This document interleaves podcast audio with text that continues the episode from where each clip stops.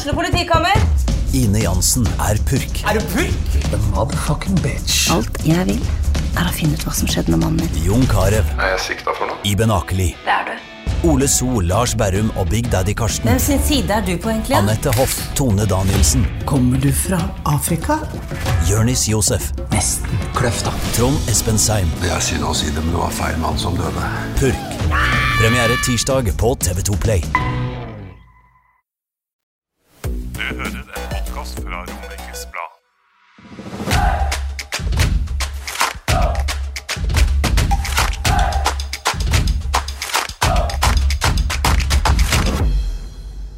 Da kan vi ønske velkommen tilbake til eh, Tullball.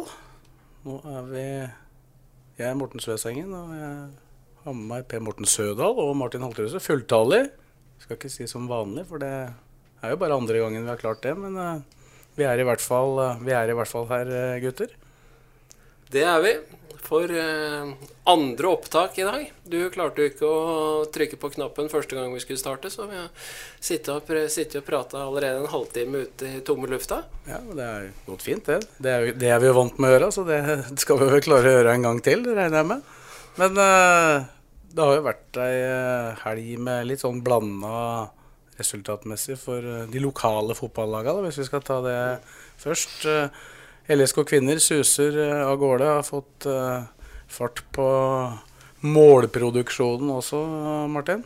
Ja, begynner å ligne seg sjøl litt igjen, LSK Kvinner. Med en overbevisende prestasjon i helga. Og så var det et LSK som var vesentlig bedre enn mot Bodø-Glimt. Det var vel kanskje ikke så uventa. Det skulle ikke, det skulle ikke mye til. Skulle Men det. eh, det, det, det var det, uten at det var noe stor fotballkamp. Og så vant de jo ikke, men de berga i hvert fall det ene poenget, og det var vel sånn sett uh, greit nok ut fra kampen. Det var vel ikke en kamp som uh, det var noe ran den ene eller andre veien. Det hadde vel vært, det hadde vel vært vesentlig mindre å si på om uh, hvis Rosenborg hadde dratt hjem med tre poeng, enn hvis LSK hadde gjort det. Åssen var stemninga i heimen? holdt Jeg på å si Heimen er jo kanskje feil, men uh, mellom deg og din far etter denne kampen? Jeg ble pratet ganske Jeg kom hjem veldig seint. Altså opp til veldig seint. Kåken pusses jo fortsatt opp, så jeg bor der.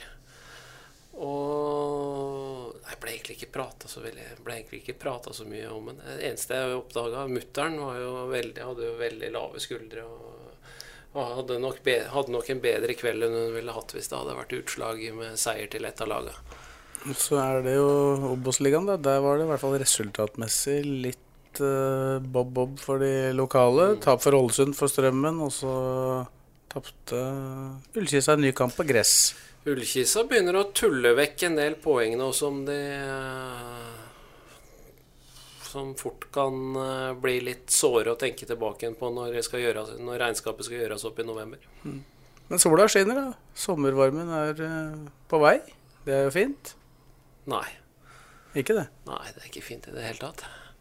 Jeg kom, kom ut i går, så var bilen min Jeg, vas, faktisk, jeg vaska jo bilen i slutten av forrige uke. Jeg kom ut i går, så var bilen gul.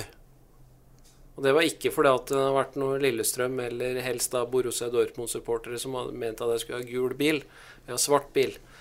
Men uh, det er lille faenskapet altså, som heter pollen. Det er et helvete. Du, du har også pollenallergi, Martin. Jeg hører ikke du klager så mye over det. Jeg banner i hvert fall ikke så mye for at det er eh, godt og varmt ute, men eh, vi er forskjellige. Det er mulig at Dere går på medisiner begge to? Ja. Ja. Du merker jo det. Så eh, vir, vir, Virker dine bedre da, eller? Jeg veit ikke hva, hva som er forskjellen. Eller går du ikke på sterke nok? Jeg tror de jeg har, er så sterke jeg kan ha. Men uh, mulig må Du må på på behandling, som Ja, folk sier ja. eh, rundt her. Jeg får jo høre at uh, får jo høre hvert år at nå må du ta den sprøyta. Men jeg tar jo fanken meg ikke den sprøyta, så kanskje jeg skal ta den sprøyta. Slutt å være så sta. For det er ikke alltid, du, har jo ikke alltid i deg så veldig sterke saker sånn ellers. Nei, det har jeg jo ikke. Men uh, jeg har for så vidt bare prøvd to ganger gjennom, et, uh, gjennom konjakkflaske til fatter'n da jeg var fem, og, og uh, morfin før jeg skulle operere blindtarmen da jeg var eh, 15 15-16 år. Gikk ikke spesielt bra noen av delene. Men vi får se. Har du noen planer om å gjøre noe med det? Ja, det veit du at jeg har, du, din, eh, din lille luring. Men du Enten så ent, Enten så feirer jeg at jeg må betale deg 1000 kroner med en øl på lørdag. Eller så feirer jeg ikke med en øl på, lø på lørdag, og da, men da har jeg 1000 kroner mer på kontoen min enn det jeg hadde før lørdag.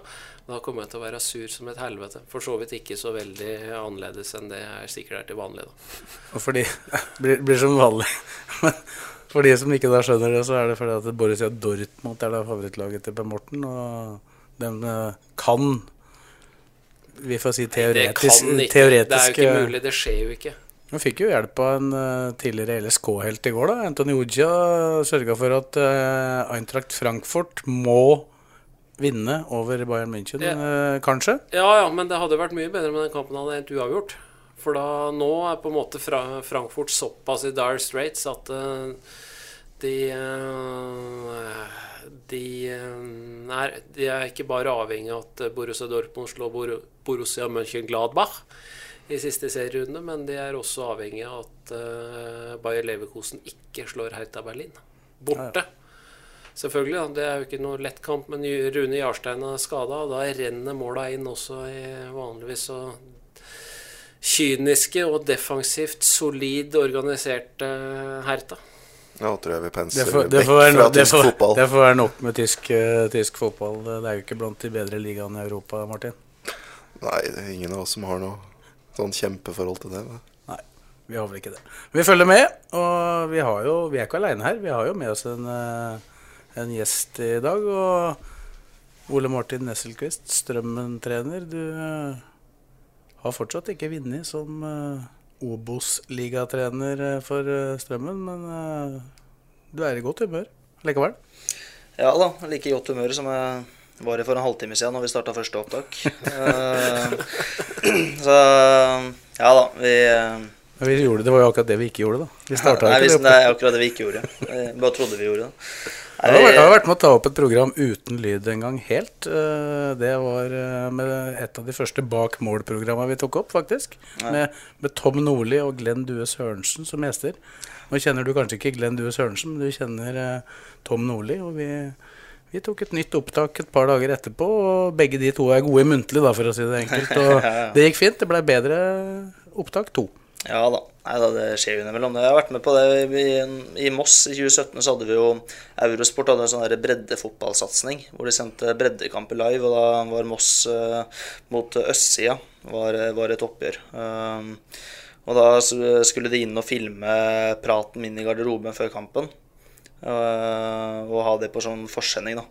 Og så når jeg da hadde tatt praten og gutta klappa vi var klare, så sier jo um, Emil Gukild og Thomas Myhre, da, som da var i garderoben, sier at eh, eh, vi hadde ikke lyd, så du må ta det på nytt. Det var eh, forholdsvis eh, kleint inne i garderoben, og jeg da simulerte matchpraten, som innimellom er litt engasjerende, da, og det er litt følelser der, så jeg måtte liksom prøve å fake den på nytt og gå gjennom den en gang til, og gutta satt og klappa igjen, og ja, der, der har vi den. Skal, skal, skal, skal jo helst liksom være litt sånn oppbyggende òg, da. Ja da, så eh, ja. Vi var ikke veldig gode den kampen. Det kan ha noe med å gjøre med det at jeg måtte ta samme praten to ganger. Eh, Den siste ble litt, litt falsk. Ja, ja. Men uh, tilbake til det jeg starta med å spørre deg om før vi sporer av eh, her. hva- ikke vunnet ennå. Og hvis mine tall stemmer med litt hjelp fra Moss Avis, så, så har du nå vært trener i 16 seriekamper på rad med Moss i fjor og Strømmen nå uten å vinne. Riktignok ikke tapt så mange, for det er 11 av dem har gjort. uavgjort. Ja, det, det stemmer sikkert det, da. Uh, uh, men uh, jeg tror vi, altså vi fotballtrenere er nok litt sånn at den forrige sesongen blir på en måte lagt bak oss. Og i hvert fall nå som jeg også har bytta klubb, så De 16 kampene, var det det du sa? De, det er, nok ikke 16 i hodet mitt. eh, Det, det er nok de sju nå som eh, vi legger mest fokus på. Eh, vi skulle veldig gjerne hatt en seier, eller flere egentlig, i løpet av de sju. eh, Og må bare jobbe for at, at den seieren kommer så fort som mulig. Ja, det var kanskje ikke Ålesund nødvendigvis det laget dere var størst favoritt mot, da, men dere kunne jo ha hatt en seier, bl.a. mot HamKam, hvor eh, kampen endte 0-0. Men eh, bilder som vi både har vist i, på, i vårt program Romeriksball, og for så vidt i de høydepunktene vi har lagt ut, så var jo den ballen eh, fra Andreas Hellum definitivt over streken før den gikk ut igjen. Mm. Ja da. Vi, der, den kampen der bør vi jo i hvert fall gå opp 1-0, og jeg, da tror jeg vi vinner nå. Jeg syns HamKam så tunge ut. Um, og eh, vi har jo hatt sjanser til å slå både, både Jerv og, og Sandnes Ulf og Raufoss. Um, og også i går så, så uh, har vi gode muligheter til å, til å få med oss en trepenger mot, mot serielederen. Men vi har uh, vært for udyktige foran motstanderen sitt mål. Det er jo det det handler om. Vi har vært gode defensivt. Og så har vi vært tålelig gode til å skape en del. I går syns jeg vi er også bedre offensivt enn det vi har vært tidligere i kamper. Men uh, evner ikke å sette ballen i mål, da. Og det, det er jo fortsatt uh, forholdsvis viktig i fotball, det å sette ballen i mål. Mm. Du ble jo den yngste treneren i Obos-ligaen, 25 år. Du fyller 26 i neste måned, så vidt jeg har uh, sjekka her. Uh, men du starta jo trenerkarrieren din veldig tidlig, og veldig mye tidligere enn de aller fleste andre. Hvor, hvorfor ble det slik? Nei, jeg har jo en far som har vært eh, sportsjournalist i mange år, så jeg var med han fra jeg var veldig veldig liten. Eh, og Så på Moss fotballklubb og Sprint Jeløy og andre lokale klubber og så på treninger og fikk, fikk tidlig en, eh, en, veldig stor interesse for fotball og det å jobbe med, jobbe med folk. Fikk jo tidlig være ganske tett på trenere som gjorde det bra i Moss, med Knut Torbjørn Eggen bl.a. Og, og Ello Matsson, som er i LSK, som jeg husker godt som også trener. Eh, Knut Hørum eh, og Geir Bakke. Det er mange av de som, som, eh, Uten at jeg kanskje har forstått det der og da, for jeg var jo, var jo ung. Men sånn i ettertid så har jeg jo plukka med meg litt ting og tang, sånn som barn ofte gjør. Og Det er nok mye av årsaken til at jeg tidlig ble ble, ble litt fascinert av treneryrket. Og så um, fikk jeg skade når jeg var 15 som gjorde at det ble litt eh, fremskynda. Og det, det, er jeg jo glad for den dag i dag. Ja, var det en så alvorlig skade at du rett og slett måtte vurdere eller ikke kunne fortsette å satse for fullt? Ja, det var et uh, brudd i leggen. Begge leggbeina uh, brakk. Og så uh, en del alvorlige skader i ankelen som en følge av det. Så det har vært noen operasjoner og litt ting og tang som gjorde at jeg måtte, måtte gi meg. Men ja, norsk fotball gikk ikke glipp av noen stor spillerkarriere, akkurat. Hva, gjorde du ikke det, altså?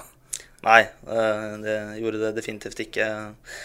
Hadde en god høyrefot eh, og god fotballforståelse på, på det nivået, gutter 15 og 16. Eh, men uh, mangla egentlig alt annet. Så, sånn, sånn, i ettertid så ser jeg at det der hadde ikke blitt noe stort der og da. Så var jeg vel som alle andre 15-16-åringer. Mangla selvinnsikt og trodde jeg var veldig god. Men sånn i ettertid så ser jeg at det, det var jeg ikke. Mangla alt annet? Du er relativt sjølkritisk da?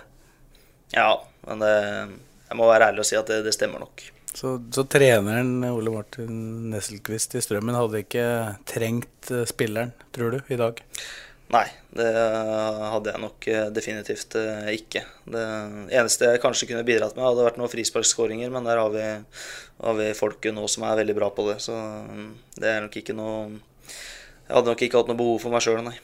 For det er jo litt spesielt. Du fyller 26 da i neste måned, så har det vært sånn, og det har du sikkert vært vant med hele trenerkarrieren din, å trene folk som er eldre enn deg sjøl. Hvordan er det? Det er uh, egentlig veldig greit. Uh, hver gang jeg har fått en ny jobb, altså om det har vært i Trosvik eller Moss eller nå i Strømmen, så har det på en måte vært uh, helt naturlig at noen kanskje er litt skeptiske i starten, og så går det seg til. Og så handler det jo om å, om å være god til å behandle mennesker. Og, og, det å kunne faget sitt. Og, og akkurat de tinga er jeg forholdsvis trygg på. Og eh, det at eh, noen av spillerne er eldre enn meg, det føler jeg ikke byr på noen særlige utfordringer, egentlig. Eh, det, det, går veldig greit. Det går nok på at det går nok som jeg sier på at du må, du må være flink til å behandle de menneskene du jobber sammen med. Og så må du kunne faget. Og så tror jeg også det er viktig å være ydmyk nok til å vite at mange av spillere også kan en del om faget. Så, så, med en god dialog da, så, så løser du det meste.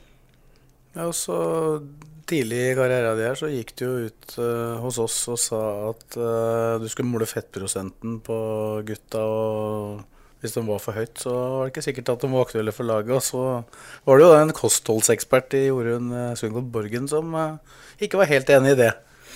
Ja, skal vi ta den runden en gang til, Sødal? Ja, ja. Du, kan, du kan si det samme du som du gjorde for en halvtime siden, så kan jeg gjøre det. Ja, ja. Nei, altså, vi, det, det, vi føler jo at den saken der ble blåst opp av, av Sødal først, da. Eh, Sødal og jeg hadde en prat i romjula. eh, hvor vi prater litt om det å være i form osv. Og, så videre, og prater litt om fettprosent, hva som kreves. Eh, vi mener jo at skal du prestere på toppfotballnivå, så må du være under 10% minimum, gjerne ned mot 6-7-8. Det er jo individuelt, selvfølgelig. Og så er det sånn at hvis da noen av gutta har for høy fettprosent, så må vi vurdere om de er egnet til å spille Obos-liga eller ikke. Og så er ikke det noe problem hos oss. Det er ingen av gutta våre som er, er ute av form. Tvert imot syns jeg vi har fått bekrefta i starten av sesongen nå. Men dette ble litt haussa opp. Dere lagde noen artikler på det, og så var det da en kostholdsekspert som leste det i avisa og mente at det vi drev med var feil. og så skrev hun et leserinnlegg til dere, og så endte det med at jeg ringte henne og så forklarte hvordan vi gjør ting, og da var vi jo helt enige. Så det ble bare haussa opp. Den saken er vel egentlig lagt ganske død nå, tror jeg. Hva har du å si til ditt forsvar her, Per Morten? Var det du som haussa opp dette her? Nei, det var det ikke. Utover, ut, ut, utover, utover, utover, det så har jeg intervjuene mine på teip i tre måneder. Nå er dette mer enn tre måneder siden, dessverre, så det er trykka, trykka slett. Det er trykka slett på den fila. Den andre store saken var Den saken jeg laga der, var jo en Det var en liten Det var en det vi kaller en tospalter. Det er ikke noe sak som er en hovedsak på en side. Men det, som, det jeg tror på en måte som ble veldig synlig, var den feature-saken som ble laga etterpå. Selvfølgelig da på bakgrunn av det han mener at, uh, han mener at jeg spissa for mye. Det har jeg selvfølgelig respekt for. Kunne alltid rett. Kildene har ikke alltid rett. Journalistene har i hvert fall aldri helt rett, for vi må jo tolke litt hva folk sier. Det vi, det vi, garanterer, er jo at vi gjengir meningsinnholdet i det som blir, uh, blir uh, formidla. I hvert fall jeg siterer aldri ordrett, og det tror jeg ikke det er mange andre journalister i Norge som gjør heller. Det eneste jeg garanterer for når jeg setter den sitatstreken, er at det meningsinnholdet i det jeg siterer kilden på, er det kilden virkelig har sagt. Ja.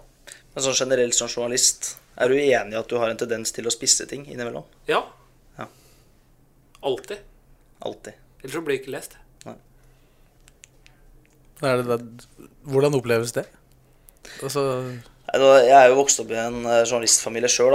Selv, selv, selv jobba litt som frilanser, så jeg veit jo, jo, hva jobben deres er. Og har stor respekt for det. Um, og så var det en, var en um, forandring fra meg. For at måten dere jobber på, og Moss Avis jobber på, er veldig forskjellig. Uh, så jeg har måttet justere meg litt. Men uh, jeg føler jo jeg har fått et godt forhold til Sødal nå. da. Vi ble venner på Marbella, ble, vi ikke det? Jeg syns vi egentlig har ganske greit forhold. At vi hadde greit forhold hele, hele tida. Jeg, Ja, jeg, jeg jeg, gikk vel inn i det som jeg vanligvis pleier med å si, at jeg er skeptisk. Ja, ja. Og det, det er jo helt fair. Nei, Vi har hatt et godt forhold hele veien, vi. Så, men det er jo Jeg som trener må jo også tilpasse meg dere og måten dere jobber på. Det, det, er jo, det er jo sånn det er. Uh, Så det har jeg gjort nå. Nå har jeg lært dere å kjenne litt, og så har dere lært meg å kjenne litt, og så syns jeg det fungerer helt fint. Ja, for du, du liker jo å by på deg sjøl, men du har kanskje vært vant med at det ikke har, at det har vært greit, da. Men da har du måttet holde igjen litt, mener du? Jeg tror en forskjell på f.eks. Moss Avis og Romerikes Blad da, er at Moss Avis er eh, den eneste lokalavisa i eh, Moss. Og Moss fotballklubb er eh, byens eh, desidert største flaggskip innenfor idrett. Eh, Så uansett omtrent så var det sånn at de journalistene som da var i Moss Avis, de ønska jo å prate opp Moss fotballklubb. Så hvis jeg sa noe som kanskje kunne feiltolkes til noe negativt, så ble ikke det skrevet allikevel.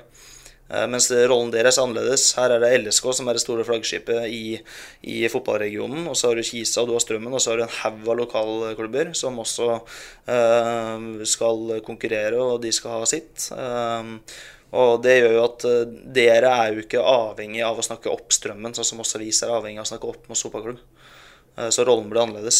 Jeg tror nok det er noen som Båråsen Åråsen som ikke føler at vi snakker opp dem akkurat heller. Nei, det, det stemmer nok eh, helt sikkert. Det eneste er til Lillestrøm har fått litt skryt, da. ja. Men eh, annet enn det så er det jo, eh, er det jo gjerne kritiske. Men, eh, men eh, nå leder jo heller ikke Lillestrøm Eliteserien, så da er det jo rom for å være kritisk. Det er det uansett. Men, eh, men eh, jeg har ikke noe problem med måten dere, dere jobber på, men det var annerledes enn det jeg var vant til. For vi er jo utad som avis, så er vi jo romerikspatrioter. Men det betyr jo ikke at vi er eh, supportere, da. Vi, I den grad som kanskje vi opplever av og til at eh, når vi har kollegaer i Og det gjelder jo ikke bare i Moss. Mm. Altså Østfold er jo Skal vi si at der er det jo nærmest en diagnose i forhold til uh, å jobbe for det laget du skriver om. Ja, det har vel eh, følt at jeg må både bite meg i tunga og for så vidt også andre steder når jeg har sett litt kolleger i eh, glede, Spesielt glede seg over det lokale lagets prestasjoner på måter som jeg aldri noen gang kommer til å gjøre når våre lokale lag gjør det godt. Men eh, de skaper, altså de skaper entusiasme. Altså forskjellen på Østfold og Romerike er altså Mye går jo på patriotisme. Det er veldig, det er, det er veldig mye med altså, Det er jo innflyttere i Østfold også, selvfølgelig. Men, det er, ikke, men altså, det er ikke så mange på en måte de, de, som, de som bor i Moss, de som bor i Fredrikstad, de som bor i Sarpsborg, har, har et ordentlig forhold til, altså, til den, den byen de bor i. Her så er det på en måte veldig mange som De, fly, de flytter hit, da, så begynner, så begynner de å skape det forholdet. Da, så Trond Fredriksen, altså, trener, altså Ullkisa-treneren, sa det egentlig veldig fint at det, altså, det er jo veldig mange innflyttere på Jessheim. Men, eh, og det er ikke så lett å få omgjort eh, de voksne, men barna dem skal vi prøve å få omgjort til å bli supportere. Ja, for det er jo sånn at eh, har du et fotballag, så, så bytter du jo ikke. Så det er jo mange som flytter til Romerike og har med seg et helt annet fotballag. Så for, for oss som lokalavis da å enten dyrke LSK Strømmen eller Ullkisa eller LSK Kvinner for den sakens skyld, det blir jo Vi, vi vil jo alltid, alltid treffe noen av våre lesere som da ikke er supporter av det laget, og ganske mange òg. For at de holder faktisk med et annet lag i vårt lokalmiljø i tillegg. Ja, altså det laget som nest, altså norske laget som flest, eller nest flest holder med på Romerike, de skriver jo omtrent katta om, ikke sant, Vålerenga. Ja, og så er vel Rosenborg sikkert en god nummer tre. Ja, Ser du på kampen vår i går, da, så er jo eh, Stormen Oslo, avdelinga til supporterklubben til Ålesund, er 200 mennesker på kamp. Ja. Så det er, eh, det er jo området vi bor i. Det bor mye mennesker der som ikke er herfra. Og det gjelder jo både alle kampene deres mot lag fra andre steder i Norge, og, og også når eh, de andre fra andre steder også møter Lillestrøm, så er det jo mange her. Når Rosenborg eh, var her med ja, var det snaut 1000? Ja. Det Eh, Så er det, det er ikke veldig mange av de som kom fra Trondheim på lørdag. Mm. Veldig mange av dem, de aller fleste av dem, bor jo i nærområdet her. Ja, Så det er jo litt, eh, litt spesielt.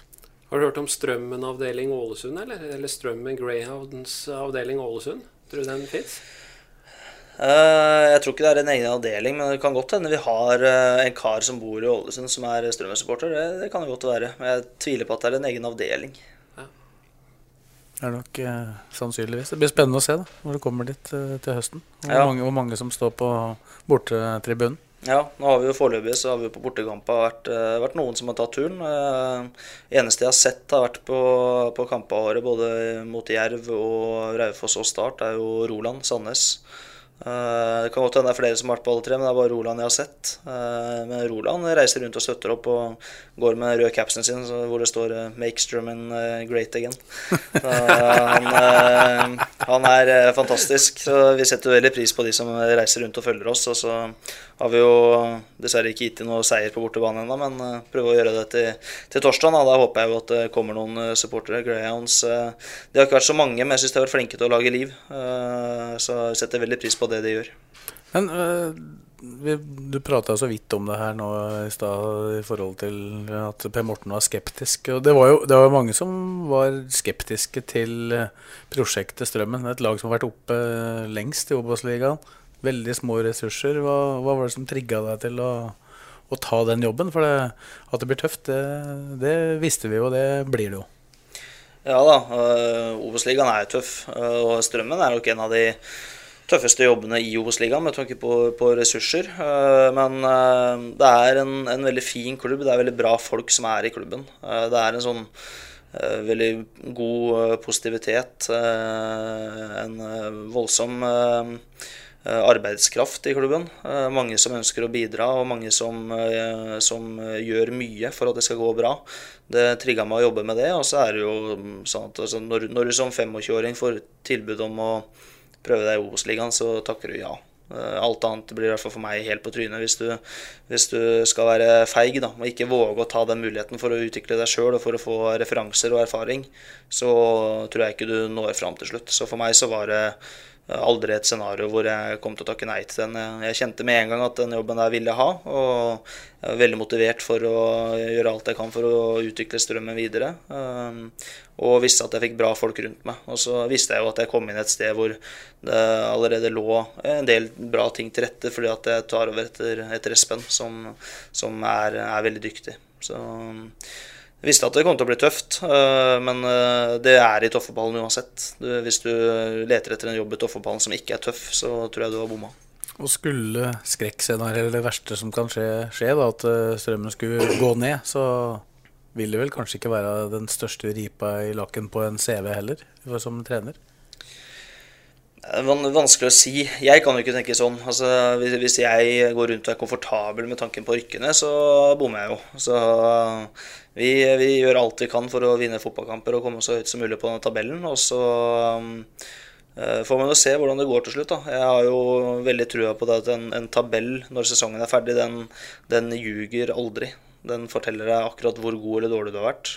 Eh, så må vi være prosessorienterte nå. Vi må jobbe for å vinne kamper. Og så får vi se hvor gode eller dårlige vi har vært til slutt. Eh, eh, så får vi håndtere det som er da, eventuelt. Men ja, jeg må jo si nå da, at ut fra prestasjonene våre i starten av sesongen, så mener jeg at vi skal være gode nok til å plukke en del poeng framover. Vi må bare bli dyktige nok i den siste og viktigste fasen også, nemlig det å skåre mål. Mm. Men du har jo vært målretta på veien fram her. Du fortalte jo også i det inntil, Jeg vet ikke om det nå da var noe som ble spissa, eller om det var riktig, da, men det, i hvert fall så fortalte du om at et møte med Ole Gunnar Solskjær i 2011, var det vel, det førte til at du, du faktisk gikk ned 70 kg. Jeg lurte litt på hvor de 70 kiloa har sittet, og hvordan, hvordan var det? Det var, eh, det, det var tungt, bokstavelig talt. Jeg var oppe i rundt 140 kg. Så møtte jeg Ole Gunnar for første gang, og han var eh, brutalt ærlig. Eh, og sa at hvis du har lyst til å bli fotballtrener, så må du gå ned i vekt. Du må bli et bedre forbilde. Eh, og det, det stemte jo. Så det var en slags kickstart på, på akkurat den biten. Ja, og det, var det lett å Altså, det, det høres mye ut å gå ned 70 kg? Ja, det, er ikke, det er ikke lett, men det blir lettere når du har motivasjon for det. Eh, så det var tungt i starten, men det gikk seg til etter hvert. det der, og, jeg er jo helt enig med nå at du Jeg er jo, jeg er jo langt ifra topptrent, jeg, men uh, nå er jeg i hvert fall i god nok form til å kunne løpe meg noen turer og trene litt, og kroppen fungerer bedre enn han gjorde før. Og jeg tror det er viktig for å prestere som fotballtrener og ellers i livet òg, at du er i ålreit form, at du greier å være i bevegelse, og, at kroppen fungerer som man skal. Det, det tror jeg er viktig for å, for å prestere. Ja, og det fungerer vel sånn eh, rimelig greit i det daglige òg, sånn ellers, da, når du får klarna huet? Ja da, absolutt. Så det er jo bare sånn som i dag tidlig, så jeg sover veldig dårlig når vi har tapt kamper. Så er det deilig å komme seg ut litt om morgenen og så ta seg en liten tur og få rensa huet litt. Og i dag var været ålreit òg, og så er du litt mer klar for uka som kommer, tror jeg. Du forsov deg ikke i dag i hvert fall, da? For du gjorde jo ikke det en gang her? Jo, jeg greide jo å få til det. det er jo det er jo ja, naivt av meg, men det er sånn Uh, ja, naivitet og dumhet, du, for at du, du er jo sjuk. Det var jo etter Vålerenga-kampen, jeg var jo ordentlig dårlig. Hadde høy feber og var, var, ikke bra. Og så skulle jeg få analysert ferdig den Vålerenga-kampen. Og ble da sittende til altfor seint. Og da var jeg fortsatt i Moss. Jeg kjørte hjem til Moss og la meg jo ja, godt over midnatt, tror jeg. Og skulle da opp sju-åtte-tida dagen etterpå og kjøre i Strømmen. Det var jo nødt til å feile, det. Så det var, det var dumt. Da, men det gikk greit. Men åssen er det? Det er ikke noen sånn botkasse for trenere, så du ble ikke noe straffa av, av den? Uh, nå har vi, vi har faktisk botkasse for uh, trenerteamet i Strømmen. Uh, men der bidrar jeg med veldig lite. Men på den tida der så hadde vi ikke det ennå. Men når det skjedde da, så var, ga jeg beskjed til spillerne sjøl om at jeg skulle bidra med 1000 kroner i bot. Det syns jeg er fair. Så de, de, pengene skal de få når boturen nærmer seg. Du skal ikke være med på boturen, kanskje? Nei, det er spillerne sin, sin greie. Jeg har, noe, jeg har, ikke noe, der å gjøre. Nei. Uh, Obos-ligaen, det kalles jo ofte for uh, Kokosligaen. Det, ja. det, var litt kokos i går òg? Det var uh, mye kokos. Kong, kongs, Kongsvinger var uh, Gradere kokosen, så var det vel, kjempeko, var det vel kjempekokos. Uh, Ullkisa følte vel at det var uh, et uh, innslag av kokos også, i hvert fall når de satt på bussen på hjem, vei hjem etter å ha tapt for Jerv i Grimstad og fått en mann utvist, noe de overhodet ikke var enig i. Men altså, så ser du jo, som Ole, Ole Martin sier, og det er, jo, det er veldig jevnt. Jeg, så, jeg var jo så Strømmen Ålesund i går, og, og Martin, altså, det var jo Martin òg. Det er klart at hadde ikke vært noe å si på om Strømmen hadde fått, hadde Strømmen hadde fått med seg poeng. Det er klart at det mesteparten av i hvert fall det jeg regner som målsjanser, da, skapte de faktisk da eh, han uh, treneren som sitter ved siden her, gjorde noe jeg syns gir et veldig viktig signal til gruppa. Også med at han uh, Han skulle sette inn på en ekstraspiss. Han skulle sette inn på Magnus Tvette. Og så gjorde Ålesund 2-0. Og så tenkte jeg altså, da, er, da, tenk, da er det jo mange som tenker nei, da gir, vi, da, gir, da gir, vi, faen. Da sørger vi bare for at det ikke blir noe, at det ikke blir noe, stø, noe større. Isteden så satte han inn på Magnus Tvette, opp på topp og dunka på. Fikk 1-2. Og har faktisk også muligheter å få 2-2. Og det viser i hvert fall at han ikke gir seg på tørre møkka. Og det er bra. Altså, jo, kjempeskeptisk til strømmen. Uh, ikke pga. treneren, men pga. spillerstallen. Og så er jeg overraska over hvor uh, gode de har vært defensivt. Og så er jeg, litt, jeg overraska over faktisk hvor lite de har skapt offensivt. Jeg trodde at, være, at den, den, balansen der skulle være litt annerledes enn den har vært. Mm. Det hadde hjulpet om dere hadde fått godkjent de måla dere faktisk har scora som skulle vært godkjent? da, Ole Martin? Det hadde jo hjulpet definitivt. Vi hadde mest sannsynlig stått med litt flere poeng. Og så hadde vi skåra to mål til, men selv med to mål til så hadde vi skåra for lite. Eh, så det, det offensive og det å skåre mål, det har vært, eh, vært utfordringa vår, og det, det, er jo fortsatt. Men nå fikk vi jo heldigvis den skåringa i går. Det, det, tror jeg var godt og for gutta. Selv om vi taper, så tror jeg det var fint å få en skåring igjen og kjenne at vi, vi fikk til det. Og at dommeren ikke annullerte det for et eller annet. Og så ja, skal vi fortsette å jobbe vi for å utvikle angrepsspillet vårt. Vi er ganske, har en ganske klar idé om hvorfor vi ikke har skapt eh, nok, og hvorfor ikke vi har scora. Så vi, vi, jobber konkret med det nå. Jeg syns vi ser progresjon i det allerede i går, og så skal vi fortsette å jobbe. Mm. For å gjøre ferdig det som skjedde på Kongsvinger, da. for de som eventuelt ikke har sett det, så var jo det endte jo med ja, Det var jo vekslinger i hvem som leda, og så vant jo Kongsvinger den eh, dessverre da, til, til eh, slutt. Men det ble to, to utvisninger der uh, i samme situasjon. Det var jo en fra Gyven, Gyven og Løvland, Løvland fra Tromsdalen. Andreas Løvland. Mm, midtbanespilleren. Barka sammen. Det var, var en brytekamp som skal vi si han ligna litt på den mellom Azar Karadas og Frode Kippe. Bortsett fra at jeg syns den nesten var tøffere, men der ble det gitt to gule. Det var en annen vektklasse, det, da. Ja, det... Annen vektklasse, det var Jeg tror vi var mer i hva det heter, bantamvekt, ikke det? jo, men skal de, skal de, straffes for at de veier mindre, de to gutta oppe på Hjemslunda? Var ikke, burde ikke fløy det høyere, da? Jeg vet ikke. Hadde ikke det holdt med, med to gule der, da? Blei ikke, ble ikke akkurat uh, servert uh, slag i tungvektsklassen der? Nei, det blei det ikke. Altså det ble, det ble, ikke, det ble, ikke altså det, ble, det ble jo ikke slått, men uh, altså, samtidig, da, altså Greia er jo at det må på en måte bli, det må bli forutsigbart. Det må bli altså, Folk altså, må, må vite da at det, skjer det, altså gjør vi det, så er det konsekvensen. Men her kan jo kan jo være så enkelt som at jo, hadde, man, hadde ikke den dommeren dømt den kampen, da, men det hadde vært en annen en som hadde vært der og dømt den kampen, så kunne det kunne det fort blitt, kunne blitt, fort, blitt to gule.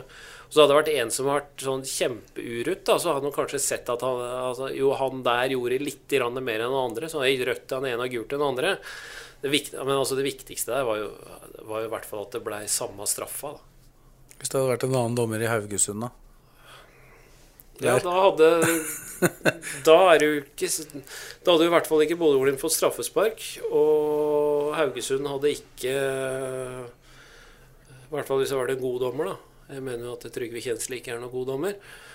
Så da hadde jo Da hadde jo ikke Haugesund spilt med ti mann. I hvert fall ikke så lenge som de gjorde. Så du de situasjonene? Du var ferdig tidlig i går. Ja, da, jeg, har sett de. Um, jeg syns jo Sødal er inne på noe, at, at uh, det må være mer likhet, likhet blant dommerne òg. For at uh, sånn, sånn det er nå, så er det veldig vanskelig for både spillere og oss å forholde seg til hva som egentlig gjelder. I ene kampen så kan du få rødt kort for å si noe, eller, uh, eller at jeg sier noe til fjerdedommeren, og så blir jeg trua med å bli kasta på tribunen. Mens den andre kampen så har vi kjempedialog ved at jeg sier det samme, men han fjerdedommeren er interessert i å diskutere situasjonen og, og bli enige om et eller annet. Eh, Jeg syns han dommeren vi har i går, f.eks., han Sivert Antland, er meget bra. Eh, Den situasjonen i første gang mellom Victor og Castro, eh, som, eh, som eh, kanskje Castro skal ha et gult kort, men der samler han jo bare spillere, og så hører ikke jeg hva som blir sagt, men han prater litt, og så ser jeg alle tre gå smilende vekk fra situasjonen, ikke noe kort. Situasjonen avvæpna, for meg så er det godt håndtert, for det er ikke noe stygt som skjer der. Og da, da har du løst det på en god måte med dialog, og så veit begge spillere at neste gang så må jeg gi kortet. Eh, og jeg etterlyser mer av det, da, at dommere er litt ydmyke, og at de er interessert i å ha en god dialog utpå der. For jeg syns det er altfor mye arroganse blant, eh, blant eh, dommere i dag. Det var jo en ålreit dommer på Åråsen på søndag. Rohit Sagi. Han har vel sånn over tid de siste par åra vært en av de bedre faktisk, faktisk i Eliteserien. Han uh, hadde jo en kjempegod førsteomgang, og så var vel vi ganske enige om at han ikke var like god i andre, da, hvor frisparkbedømmelsen var litt mer sånn varierende. Ja, da, det går jo på litt på den der forutsigbarheten igjen. Da, at eh, ok, frisparklinja ble lagt der. Og så må frisparklinja være der hele kampen. Og så er det selvfølgelig det helt umulig. Det veit jo både du og jeg, Morten, som har dømt sjøl, i forskjellige idretter. At det, du, du klarer jo ikke å holde en helt jevn linje gjennom eh, to ganger 45 eller to ganger 30 minutter. Men uts altså, du må være klar over de utslaga du har, da. Og at eh, de utslagene ikke, heller ikke rammer samme laget. Så det må på en måte være en avgjørelsesmessig balanse, balanse her òg. Kanskje rett, lettere oversatt til 50-50. Men det, det, det syns jeg, syns jeg Saggi klarte. Men eh, jo, bra flyt, mange fine fordeler. God dialog med spillerne, godt akseptert av, spill, godt akseptert av spillerne. Det er jo også et godt tegn, spesielt på en såpass ung dommer. da. Det veit jeg jo. Selger jo, selger jo avgjørelsene sine godt, da. Det er jo det det egentlig handler om. Du er jo en slags selger Ja. utpå der. Ja, ja, og jeg veit jo sjøl hvor vanskelig det er å altså, etablere seg på et nivå. Jeg husker når vi kom opp og skulle dømme menn i Eliteserien. Det var ikke bare lett, det.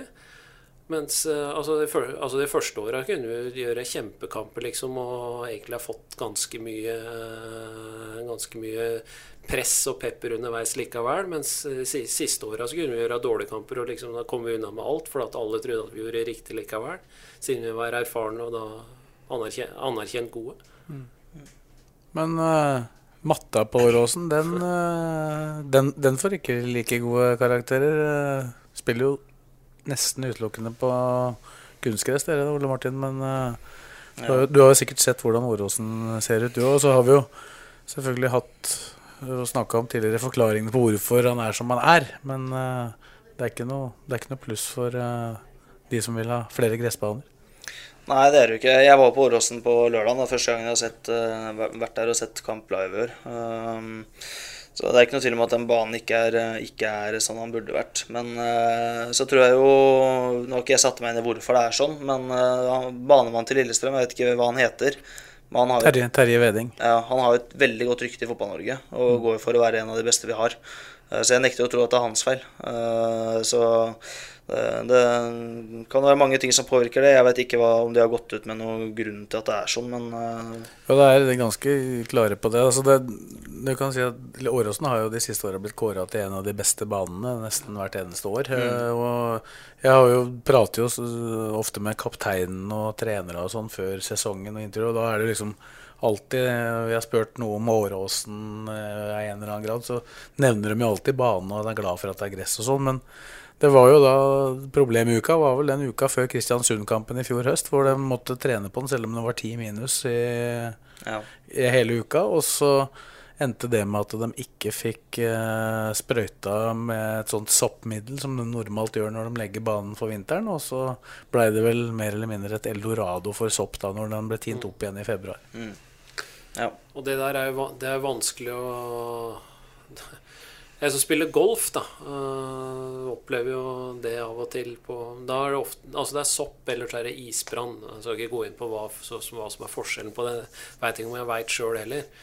Men er, altså, for å få gresset til å gro, da Det er liksom ikke bare at det er, pluss, at det er sånn noenlunde vær på, på dagen, men de er jo veldig avhengig av varme netter. Og da det har jo ikke vært så mange netter nå den siste tida hvor det har vært eh, 10 plussgrader, for å si det sånn, som vel er det de vel mange sier at eh, hvis det er ti plussgrader da begynner på natta, også da begynner ting å gro, og da begynner det å skje fort. Og så driver og sår og sår og sår og sår, og så flyr jo folk oppå dette her, for da må jo fortsatt spille kamper, da. Så blir det jo litt Men så hørte, hørte jeg at det, fugle, det hadde vært fullt av fugler på banen der. Man hadde sådd eh, første gangen rundt påsketid, så ble det sådd i de partiene hvor det er eh, vel mer eller mindre dødt. da. Men eh, hagen din eh, hjemme på Strømmen er vel bedre den nå, Martin, enn Åråsen? Ja, det er faktisk lenge siden jeg har vært hjemme og sett på haga. For jeg driver og pusser opp, jeg òg. Det er stor oppussingsaktivitet i redaksjonen. Men øh, ja, Pål André Helland fleipa vel med det i, i mix-on etter kampen, at hans gressplen var penere enn Åråsen. Ja, min er i hvert fall det. Jeg har ikke gjort en dritt med den, for å si det rett ut, så den, eh, den er grønnere.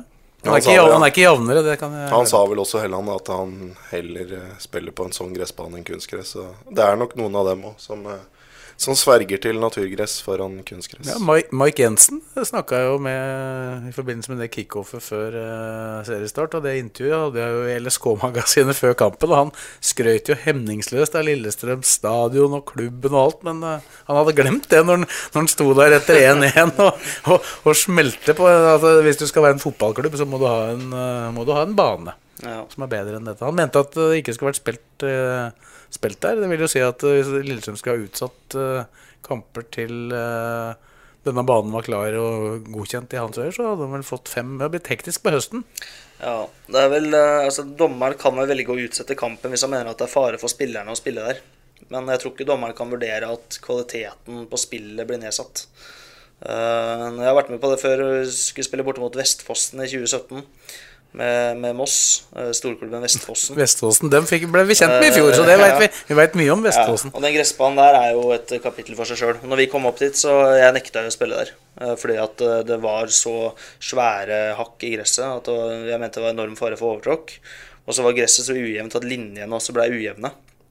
Eh, Så bare mellom stengene så kunne det være en 30-40 cm på, på ytterkanten av linjene. Oh. Det, er noe av det merkeligste jeg har sett. Så vi kom opp dit, og jeg sa til dommeren, han var fjerdedommer i går faktisk, her, vi spiller ikke på den. Det ligger en kunstgressbane der borte. Den var gammel og slitt. Men der er det ikke noe overtråkksfare, og linjene er rette, så det er enkelt å forholde seg til.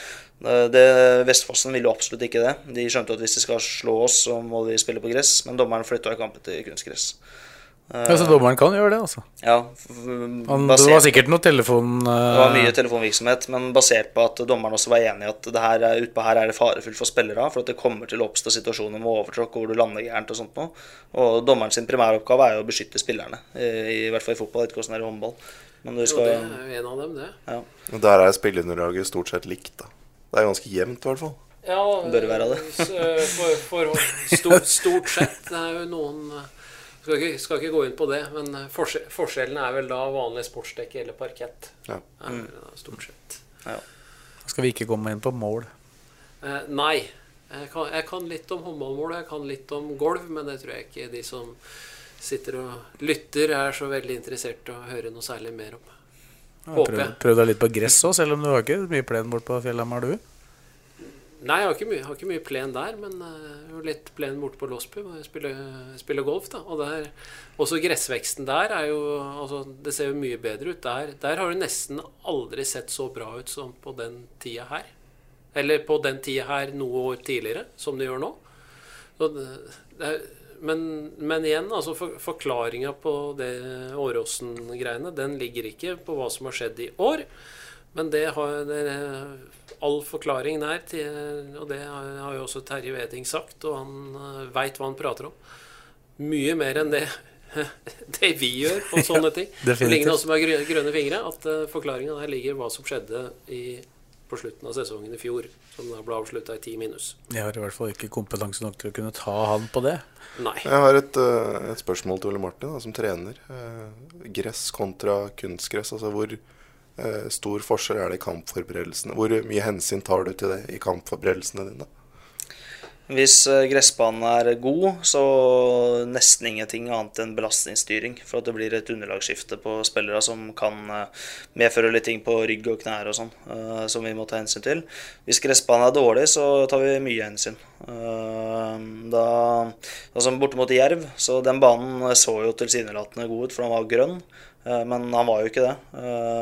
Den var jo humpete og veldig mye sand, som gjør at underlaget blir veldig ujevnt. Eh, Da, da, Det måtte, vi, det måtte vi faktisk se nøye på, vi, for vi lurte faktisk på om de hadde lagt kunstgress på Ja, den var veldig grønn. Det, men det, det, skal, det er viktig å si, da, for dette her er ikke kritikk til Jerv. Jerv skal ha eh, massiv skryt for at de har fått en gressbane så god som de har gjort så tidlig. De har gjort en kjempejobb, men han var fortsatt ikke god eh, når vi skulle ned dit og spille.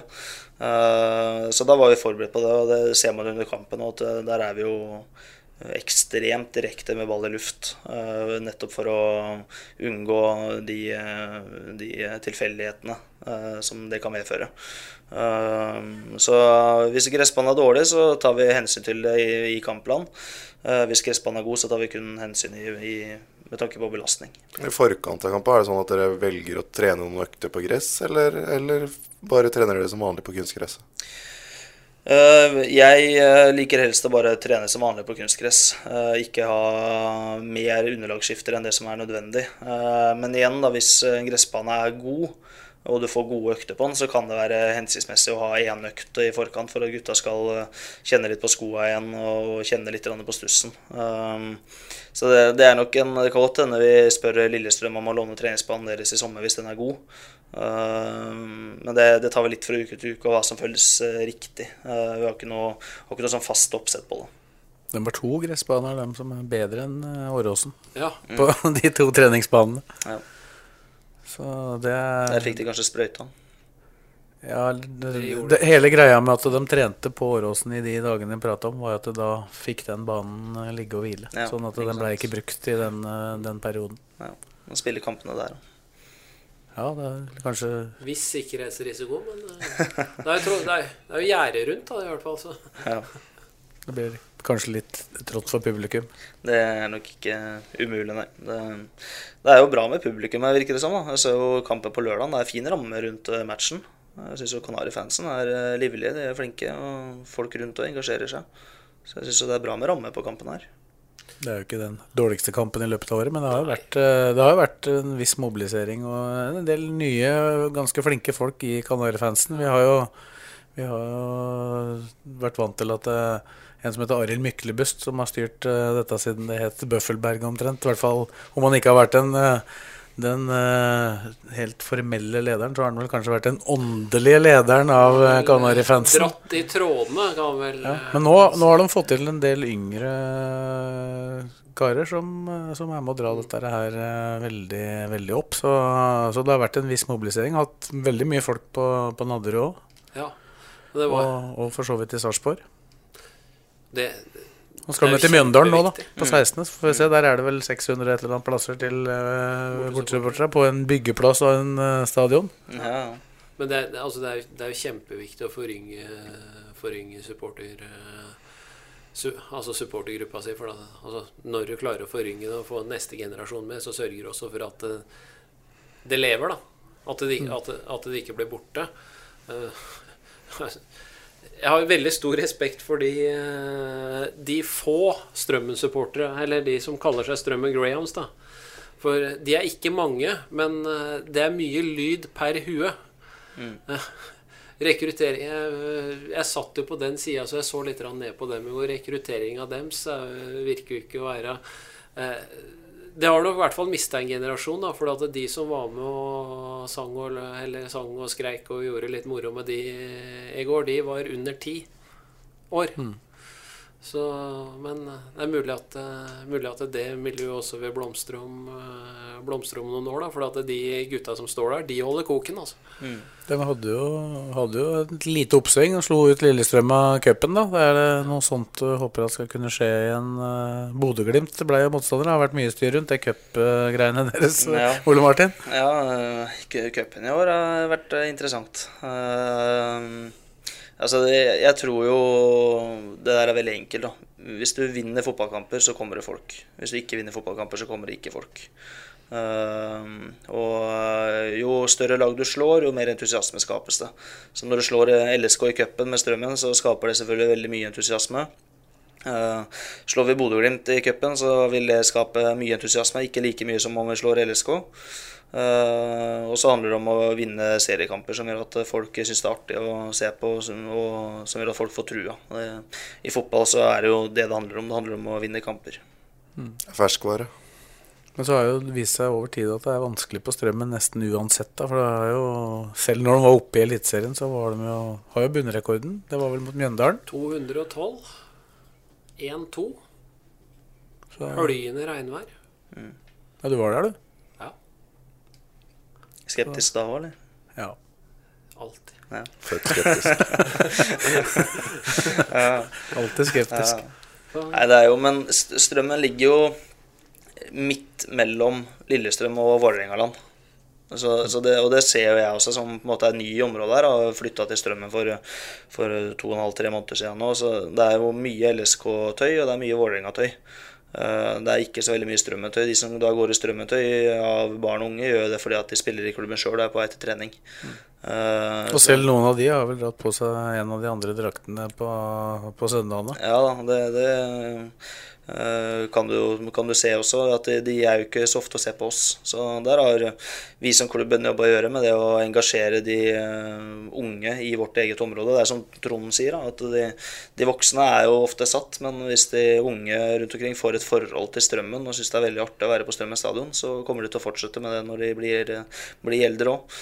Så det er jo en utfordring vi som klubb har, og som vi, som vi må ta etter hvert. Men I en tidligere podkast vi har hatt, så tok vel han eh, supporterlederen i, i eh, Ullkisa, Kurt Kemi, tok vel til orde for å se på muligheten for å flytte eh, Obos-runden til et annet tidspunkt enn på, eh, han ville helst ha lørdagskamper han, for å få det bort fra, bort fra den uh, eliteserierunden. hva, hva tenker du om det? For ikke få den direkte konkurransen med f.eks. LSK og Vålerenga? Jeg, jeg ser det argumentet, og så skjønner jeg at supportere vil ha lørdagskamper, for at det er veldig enkelt å ta seg en tur på puben etterpå. Eh, og så er det sportslig det er klart best å spille søndag, for at du får den beste uka. Uh, men uh, men jeg, er, for meg så er det ikke noe fasit på det. Altså, vi, vi har noen lørdagskamper i Obos, og det fungerer helt fint, det òg. Men jeg syns det er ok for spillere å spille Obos, i hvert fall for våre, da, som, som jobber og studerer ved siden av. At de får lørdagen til å trene på formiddagen, og så har de fri, så de kan lade opp til kamp. Eh, Det har jeg vært med på i andredivisjon sjøl, å spille lørdager, og du får eh, lite optimale uker, men det er mer supportervennlig. Så, er, men det er et spørsmål om du hadde trukket flere folk, da, for det er fryktelig mye hytter og kjøpesentre som eh, konene skal ha med de som potensielt går på, går på disse kampene på, på lørdager. Og da er jo søndag 18 litt lettere. Ja, det, jo, det, det var en diskusjon vi hadde ofte i Moss, om vi ville spille søndag klokka seks i andredivisjon eller lørdag klokka fire. Eh, Der Vi snakka med supporterne. De ønska jo da å spille lørdag klokka fire for å kunne dra bort på Ørevilla kro etter kampen. Eh, Så vi gikk jo med på det, men eh, vi også satte med et inntrykk at vi ofte hadde flere folk søndag klokka seks, for da kom, kom familiene hjem fra hytta, og de kjøpesentra var stengt, som du sa. Så eneste, eneste konkurrenten vi kanskje hadde da, var hvis noen ville se eliteserie på TV, eh, eller at de var på stranda om sommeren. Men eh, største utfordringen var å få den første seieren. Det er, det er viktigere enn hvor mange som er på tribunen. Det er det helt klart. Det, vi, som jeg sa i stad, hvis vi begynner å vinne kamper og omsette gode prestasjoner til gode resultater, så, så tror jeg også det kommer litt flere, flere folk. Så det er jo det, er det vi må jobbe med. Takk for praten, Ole Martin. Og vi andre vi er vel fort og plutselig tilbake. Nå blir det jo en uh, fotballens eh, festdag på torsdag, og så er det en ny serierunde, i hvert fall i Eliteserien, også på søndag. Ja, Obos har, eh, Obos har fri. Det som eh, Ole Martin helt riktig sa til meg i slutten av forrige uke da vi prata om eh, denne cupkampen mot Bodø-Glimt. Så Obo, Obos-lagene altså, Eller det Obos-laget da, som for første gang i historien, tror jeg, møter et eliteserielag i andre runde, satt opp mot et eliteserielag i andre runde, de får den fordelen av at de ikke har kamp i helga. Det er i hvert fall noe. Så da takker vi, takker vi for uh, Bodø-praten, og at uh, du som hørte på, hørte på. Så er vi plutselig tilbake. Du hører en podkast fra Romerikes Blad.